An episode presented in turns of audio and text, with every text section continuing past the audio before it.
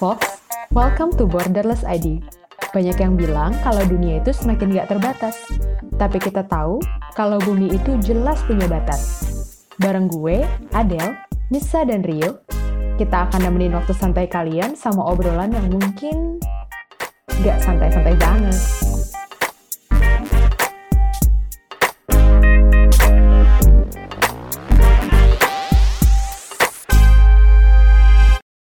Halo semua, balik lagi di Borderless ID masih sama gue Adele dan dua teman gue Nisa dan Rio. Dan di episode kali ini kita akan ngomongin tentang pergaulan anak muda di perkotaan. Nah, jadi gue sering banget nih ngeliat instastory teman-teman gue yang lagi pada hangout sama teman-temannya di cafe, di restoran atau di mall. Mereka tuh bawa sedotan stainless steel gitu. Nah, terus ada juga orang-orang yang ke mana-mana bawa tote bag. Jadi kalau misalnya belanja langsung aja tuh nggak usah pakai plastik dari supermarket, tapi pakai tote bag. Ada juga orang-orang yang bawa tumbler. Nah, menurut kalian sesignifikan apa sih behavior yang environmental friendly ini? Hmm, signifikan gak ya? gue pribadi sih gue juga melakukan hal yang sama, tapi kayak menurut gue menarik deh buat ngediskusiin tentang sebenarnya seberapa besar sih pengaruhnya ke environment itu sendiri gitu loh. Iya, gue juga sebenarnya uh, ini sih mempertanyakan sih seberapa signifikan itu. Ya kalau bicara hitungan kasar aja kan kalau satu orang mengurangi satu straw ya at least se Indonesia 250 juta gitu kan. Dan lumayan Bener. banget plastik gitu kan kita kurangin. Bener, terus penggunaannya kayak berkala kan. Tuh Betul, tinggi banget loh per tahun bisa sampai hampir 6 juta ton gitu. Ya, ya pokoknya hampir sama dengan pertumbuhan ekonomi kita per tahun. Jadi kalau dibilang signifikan atau enggak, ya kalau harus bicara data, gue nggak punya sih datanya. Cuman gue ya, jujur aja melakukan itu juga ke mana-mana bawa straw gitu, ke mana-mana bawa tumbler, ke mana-mana bawa shopping bag. Shopping Tapi, terus dong Chan. Ah, ya groceries doang beras intinya kebutuhan pokok mahasiswa sama Indomie. Habis gimana dong kak mau belanja baju juga uangnya terbatas. Jadi ya buat iya. makan dulu aja lah yang pangkat. Jangan jangan. Biar ramah lingkungan gak usah beli baju. Benar. eh, tergantung sih. Kalau di second hand gimana kak? Boleh boleh. Bisa bisa. Banyak nih ternyata yang bisa ngejustify perilaku ramah lingkungan ya. Nah, setuju sih kadang itu memang jadi tren ya di kalangan milenial dan bahkan kadang-kadang di incentivize atau di institu di institutionalize. Oh, Iya, kayak ya kayak misalnya di di UF nih kan lo bisa ngisi air lewat tap water ya. Nah, mm. itu ada tumbler dari sustainability UF atau ada kayak semacam barcode yang itu bisa lo pasang di tumbler lo atau lo bisa ambil tumblernya secara gratis Nah, nanti setiap lo ngisi water bottle-nya dengan air di tap water itu, terus lo scan barcode-nya, nanti lo kayak ada semacam leaderboard-nya lah, terus habis itu ada kayak achievement berapa liter air yang lo konsumsi secara sustainable. Nanti di hmm. akhir cycle bakal ada reward segala macam. Itu hmm. ada sih kayak pola-pola seperti menginsentif orang untuk melakukan Kebiasaan. aktivitas yang ya aktivitas yang environmentally hmm. friendly sehari-hari. Menarik, menarik. Wow. Ngitungin berapa liter orang minum ya per hari. Oke. Okay. Ya, tapi kan nggak cuma sebatas itu aja ya kayak perilaku ramah lingkungan. Sekarang juga orang-orang udah pada mulai ngeliat tentang eco label. Jadi kayak hmm. misalnya kalau beli makanan, bakalan nyari mana sih makanan-makanan yang ada eco labelnya kayak gue pribadi waktu gue awal banget berangkat ke Sweden nyampe di Sweden kan gue harus belanja di groceries ya. Mana semua bahasanya hmm. bahasa Swedia, gue jadi bingung sendiri. Tapi gue mengerti nih bahwa ada label-label yang ternyata berbeda nih dari label-label Indonesia. Nah, biasanya label-labelnya warnanya hijau, terus ada juga label-label yang punya simbol-simbol sendiri gitu loh, kayak misalnya fair trade atau ada organik dan lain sebagainya. Iya. Dan ternyata orang-orang di Indonesia juga udah pada mulai aware sama label-label ini. Hmm. Tapi sebenarnya apa sih eco labeling itu? Kan ini kan bukan sesuatu yang simple ya. Maksud gue kayak hmm. konsep macam apa sih gitu ya? Iya, kayak ini tuh konsep apa sih sebenarnya gitu? Kayak uh, apa sih definisi dibalik dari eco label ini gitu? Apakah cuma sebatas stamp aja atau ada arti-arti lain di balik eco label ini? Nah, eco label ini biasanya semacam simbol atau label yang nunjukin bahwa produk tersebut telah memenuhi standar sustainability atau environmental standar tertentu.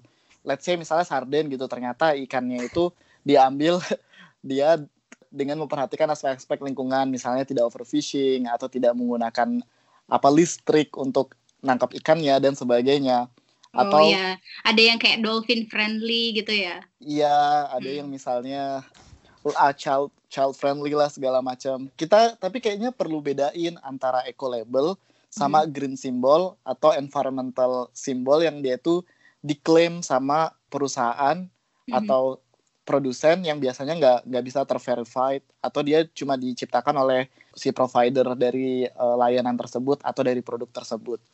Hmm. Nah, oh, karena iya. biasanya eco label ini dia memang perlu diakses dan juga diverified sama pihak ketiga yang independen dan hmm. ada hmm. garansi gitu bahwa dia telah memenuhi requirement performance dari standar lingkungan tertentu gitu kan.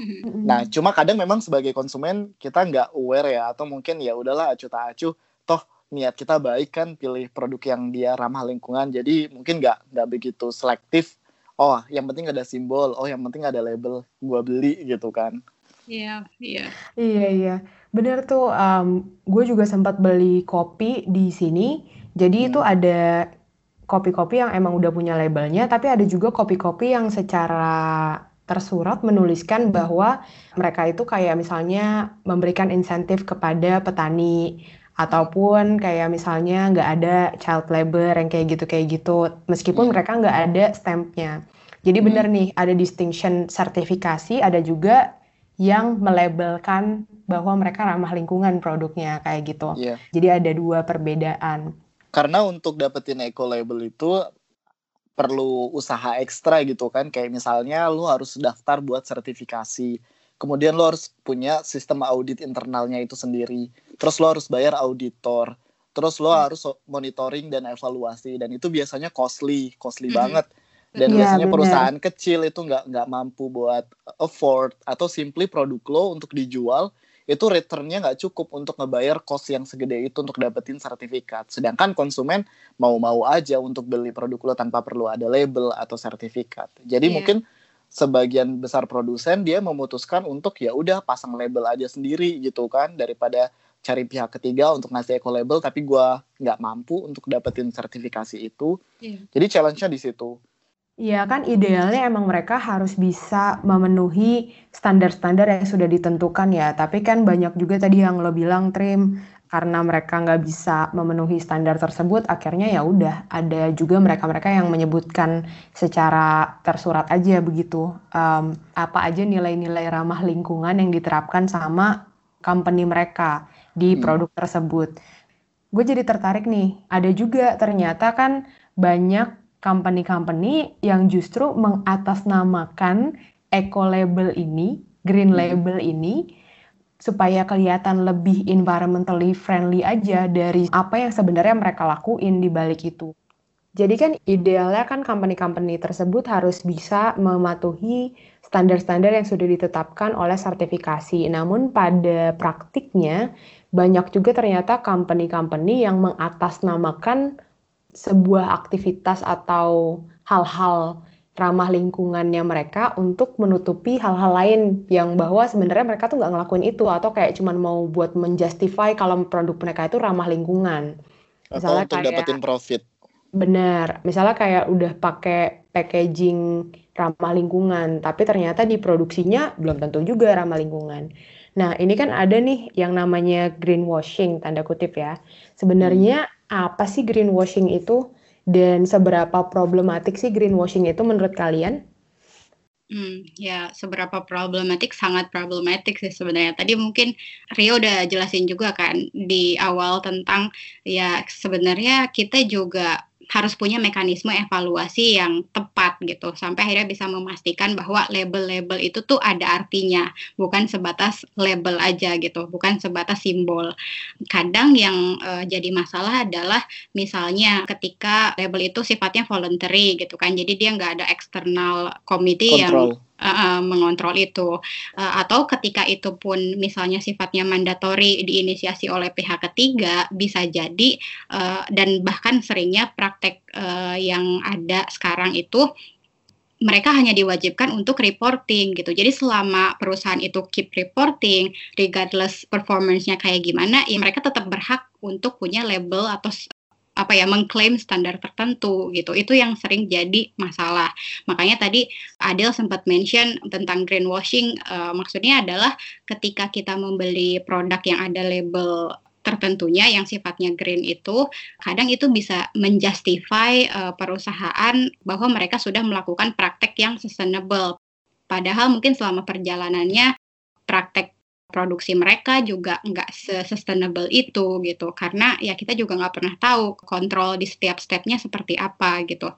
Di tingkat konsumen hmm. kadang bisa jadi misalnya ketika gue beli sesuatu yang sifatnya organik nih lebih ramah lingkungan gitu. Itu kan bisa jadi justifikasi buat gue bahwa oh iya gue udah konsumsi produk yang green kok nggak masalah dong kalau misalnya uh, gue pakai lebih banyak misalnya gitu kayak paper gitu kan banyak banget hmm. yang ya ini hmm. sustainable gitu terus ya udahlah nggak apa-apa karena ini uh, apa daur ulang ya nggak apa-apa dong gue pakainya lebih dua tiga lembar kayak gitu nah itu yang uh, dikhawatirkan nah di sisi uh, produsennya tadi juga itu kan Adel sempat mention uh, itu jadi istilahnya tanda kutip strategi bisnis mereka aja sebenarnya untuk bikin brand mereka sebagai image yang bisa Baik meningkatkan gitu ya. iya meningkatkan nilai jual juga. Jadi sebenarnya kayak marketing tools lagi gitu loh. Makanya argumennya selama ini banyak dibilang kalau ya apa ya eco label ini sebenarnya risk manajemennya perusahaan aja gitu. Uh, instead of mereka punya resiko kehilangan apa ya atau reputasinya memburuk ya lebih baik mereka invest di label di sertifikasi supaya mereka tetap profitable gitu Nah, ya gue sepakat sama Icang sih. Jadi greenwashing itu adalah ketika suatu produk atau bisnis itu mengatakan bahwa mereka itu green atau eco-friendly, tapi mereka hmm. tuh ngabisin lebih banyak resources atau biaya untuk memastikan bahwa konsumen itu tahu kalau mereka eco-friendly daripada untuk benar-benar mengimplementasikan hal tersebut ke dalam bisnis mereka. Uh, ya, implementasinya itu gimana? Jadi sebagai contoh nih, misalnya grocery store, dia ada kampanye besar-besaran tentang seberapa greennya mereka dengan menggunakan plastic bags yang bisa di recycle atau biodegradable. Nah, dengan uh, kampanye tersebut, uh, justru itu ngepromot orang supaya gunain plastik mereka kan.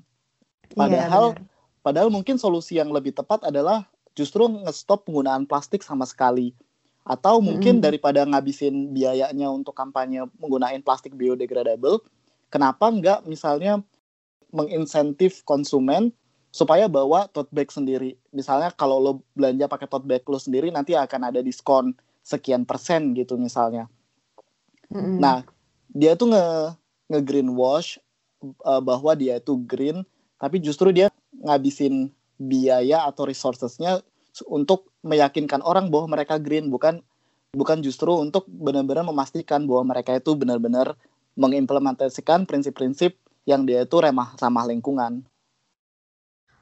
Ya, menarik nih. Jadi kayak misalnya ngejustifikasi kalau kita itu boleh konsumsi lebih banyak dari jumlah yang kita konsumsi biasanya kayak yang Icang sama Rio udah mention nih. Tapi ini gue jadi tertarik ngomongin tentang justru behavior kita mengkonsumsi barang-barang tersebut ya. Jadi kayak seakan-akan tuh kita kemakan banget nih sama greenwashing ini. Kadang misalnya kalau misalnya gue minum kopi di tempat X itu bakalan lebih baik buat petani-petaninya misalnya kayak nggak cuman nggak cuman ke petani doang tapi mungkin mereka juga company-nya menawarkan buat nanam pohon lebih banyak misalnya gitu padahal ketika ketika gue konsumsi gue nggak pakai packaging yang tepat gitu kayak misalnya gue tetap pakai plastik cup terus gue pakai straw plastik juga dan lain sebagainya yeah. nah kadang kita juga jadinya terjebak nih sama hal yang kayak gini. Uh, padahal sebenarnya kalau dilihat lagi sustainability itu kan bukan cuma tentang eco label atau hal-hal yang sifatnya tanda kutip ramah lingkungan seakan-akan dilabelin ramah ramah lingkungan lah ya tapi hmm. juga berkaitan sama konsumsi kita nah menurut kalian gimana nih problematika label ramah lingkungan ini terhadap consumerism gitu loh? Padahal kayak sebenarnya yang harus kita tackle tuh apa sih? Iya. kalau menurut gue sih sebenarnya lebih ke kesadaran aja ya. Kita lebih berhati-hati aja sih kalau ngapa-ngapain. Gue ke trigger waktu itu pernah sama temen waktu makan siang.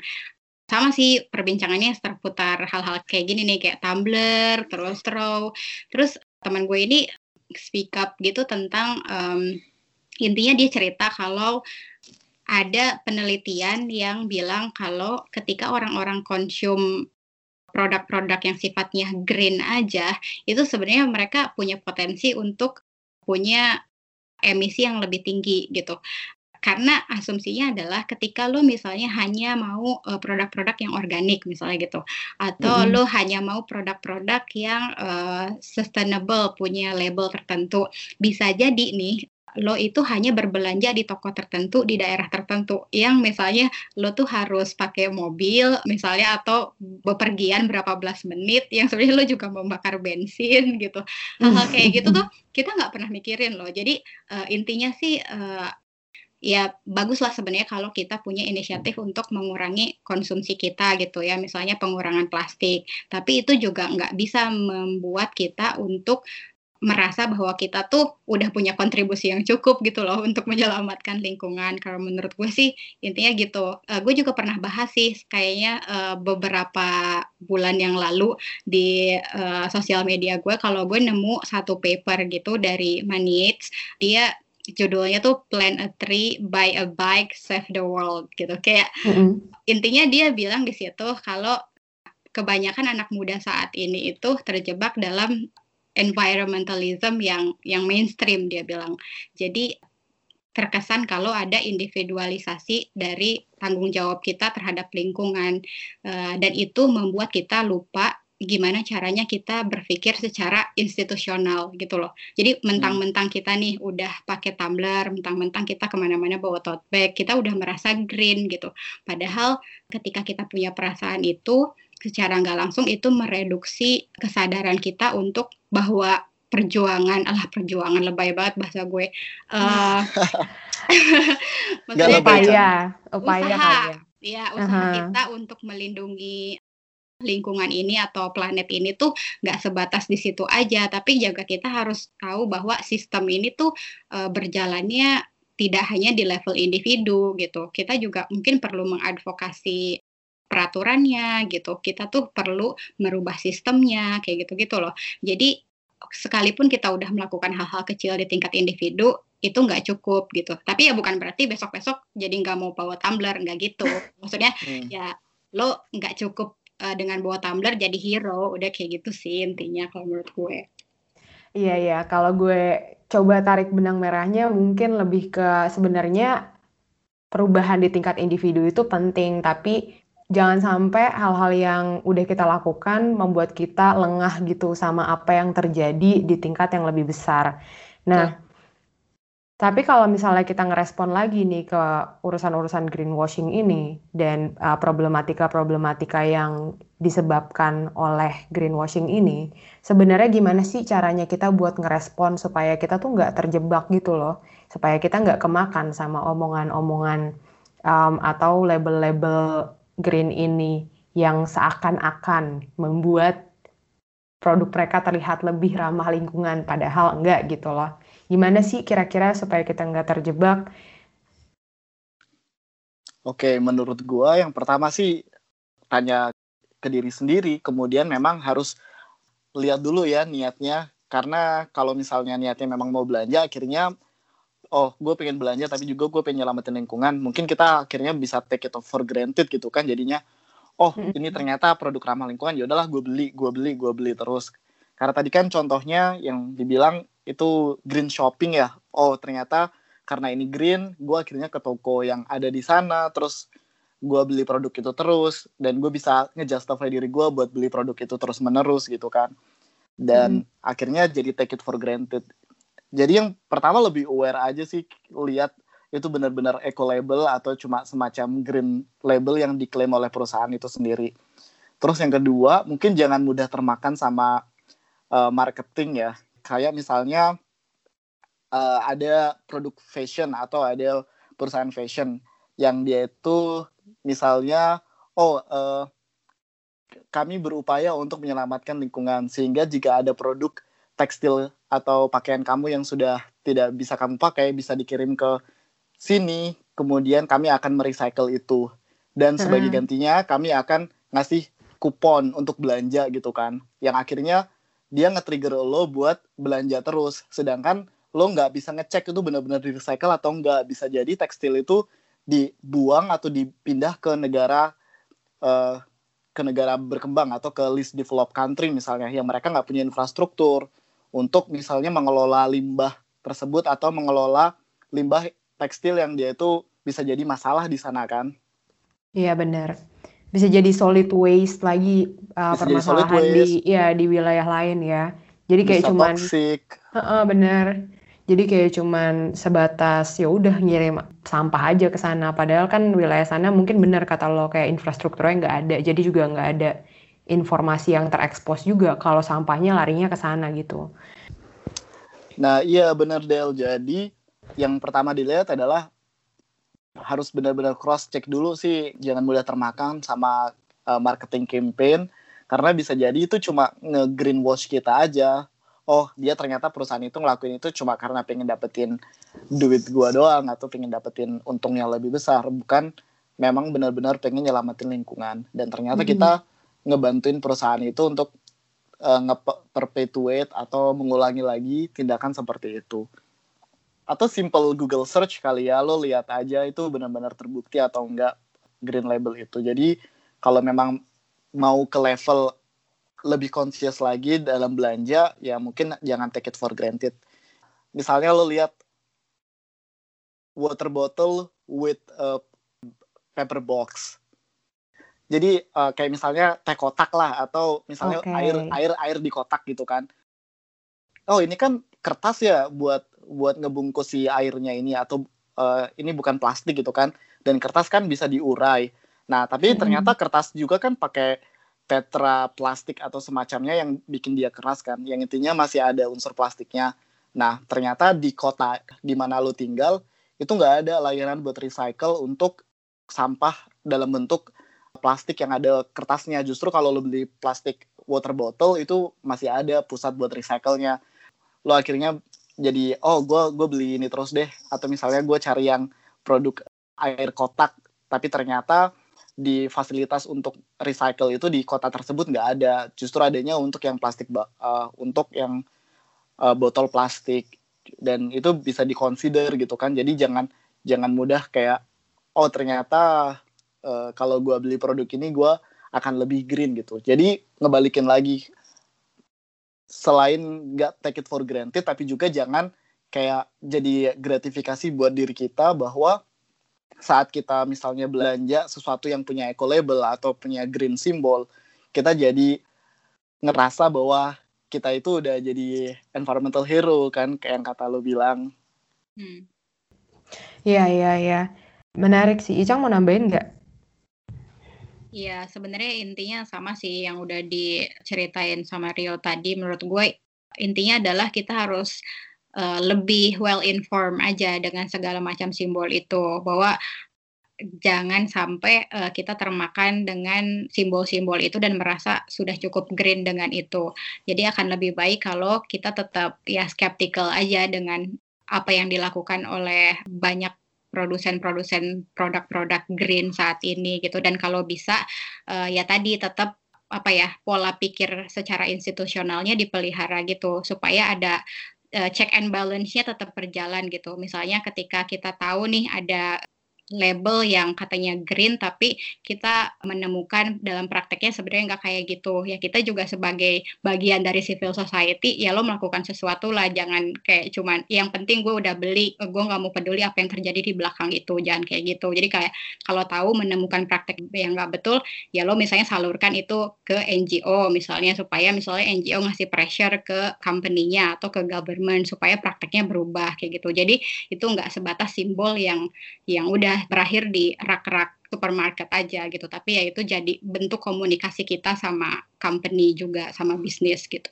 karena harus hati-hati ya kadang uh, kita nganggap oh ini eco label nih oh ini green product nih dan kita beli karena biasanya yang punya label dan punya apa namanya simbol itu kan harganya relatif lebih mahal ya yeah. dan mm. dan dia nge-capture konsumen yang mau bayar lebih mahal supaya mereka feel good karena telah menyelamatkan lingkungan gitu. Mm. Nah, jadi udah udah bayar lebih mahal, eh tapi ternyata nggak ada efeknya, jadi sayang aja sih. Sama aja bohong gitu ya? Iya. Iya. Iya iya. Tapi itu ya, itu salah satu challenge dari eco label karena biasanya produk eco label atau layanan yang uh, eco friendly itu justru harganya lebih mahal ya. Jadi dia yeah. ngasih pesan bahwa kontribusi ke lingkungan itu butuh usaha dan biaya yang lebih ekstra. Jadi buat konsumen nih macam gua yang nggak punya keleluasaan finansial, tentulah Susah. lebih milih, iya lebih milih produk yang lebih murah, iya. terlepas yeah. dia ramah lingkungan atau enggak. Betul. Jadi, gue juga sih. Jadi, ya jadi susah ya dilema ya. Jadi mungkin seharusnya dilema produk, dilema. Ya hmm. jadi seharusnya mungkin produk yang nggak ramah lingkungan itu yang lebih mahal sehingga biaya ekstra yang dibayarkan untuk produk itu itu bisa dialihkan untuk ngebayar dampak lingkungannya. Mm-hmm. Tapi kan kita kebalik nih, justru produk yang ramah lingkungan itu biayanya lebih mahal. Jadi, oh gue mau ikutan kontribusi ke lingkungan tapi mahal, gue nggak punya duit, gimana dong? Iya, yeah. karena luxury goods juga nggak sih, kayak green yeah, product jadinya. gitu tuh. Mm-hmm. Iya iya. Biarpun emang ada sisi-sisi positif secara idealnya yang harusnya memang ada dan diimplementasikan di eco label ternyata problematik juga. Ada company-company atau ada pihak-pihak yang justru memanfaatkan uh, kondisi tersebut malah jadi buat nambah profitnya mereka. Dari obrolan yang tadi kita udah omongin, um, jangan sampai hmm. ini nge-discourage kalian buat beli produk-produk eco label karena sesungguhnya kita kita ini nggak beli produk eco label karena kita nggak mampu aja gitu. Sobat miskin. Sobat miskin ya. ya intinya sih lebih sadar aja lah buat semua konsumsi yang kita apa pakai sehari-hari. Ya, jadi intinya harus lebih paham lah ya harus lebih mau ngulik-ngulik dulu lah ini sebenarnya beneran green atau enggak gitu. Ya ini justru jadi peluang buat kita komunikasi sama orang lain. Kayak misalnya sebenarnya produk ini tuh greenwash atau enggak sih kayak gitu. Ada juga sih yang namanya citizen journalism gitulah intinya. Jadi kayak the way orang-orang ngobrol di internet gitu dari tulisan-tulisannya mereka. Banyak juga kok yang udah mulai bahas tentang produk-produk yang memang benar melakukan kegiatan-kegiatan yang sustainable atau produk-produk yang malah justru menjadikan sustainability ini sebagai cap aja gitu loh, sebagai nama atau produk marketingnya mereka aja gitu loh. Yeah. Jadi kitanya juga sebagai konsumen juga harus berhati-hati dan harus lebih cerdas gitulah ya dalam melihat produk-produk yang kita konsum. Tapi di sisi lain juga kita harus ngelihat bahwa behavior kayak misalnya tadi ngomongin tentang plastik straw atau plastik water bottle kayak gitu, uh, kita juga harus paham kalau sebenarnya itu nggak ngejustify konsumsi kita karena permasalahannya ya tetap konsumsi kita yang jadi masalah. Jadi kayak misalnya kalau misalnya ada pilihan untuk gunain sedotan stainless steel atau sedotan plastik ya sebenarnya ada pilihan buat gak ngegunain sedotan gitu loh. Langsung atau, aja dari gelas ya. Gitu. Benar, gitu. iya. gue udah setahun ini juga gak, gak pakai sedotan. sedotan hidup gue, iya. Jadi kayak bisa loh, lo langsung minum aja dari gelas. Orang gelas memang diciptakan untuk langsung ketemu sama mulut, ya kan? Iya. Jadi ya sebenarnya ya itu sih kayak kebiasaan-kebiasaan kita yang harus kita pertanyakan juga. Nah, kalau misalnya kita lanjutin obrolan kita tentang eco label, greenwashing dan behavior-behavior lain yang ramah lingkungan ini bakalan panjang nih obrolannya. Jadi gue mau langsung wrap up aja. Nah, kalau kalian pernah nggak sih kemakan sama promosi-promosi ramah lingkungan? Terus kalau pernah, coba dong cerita sama kita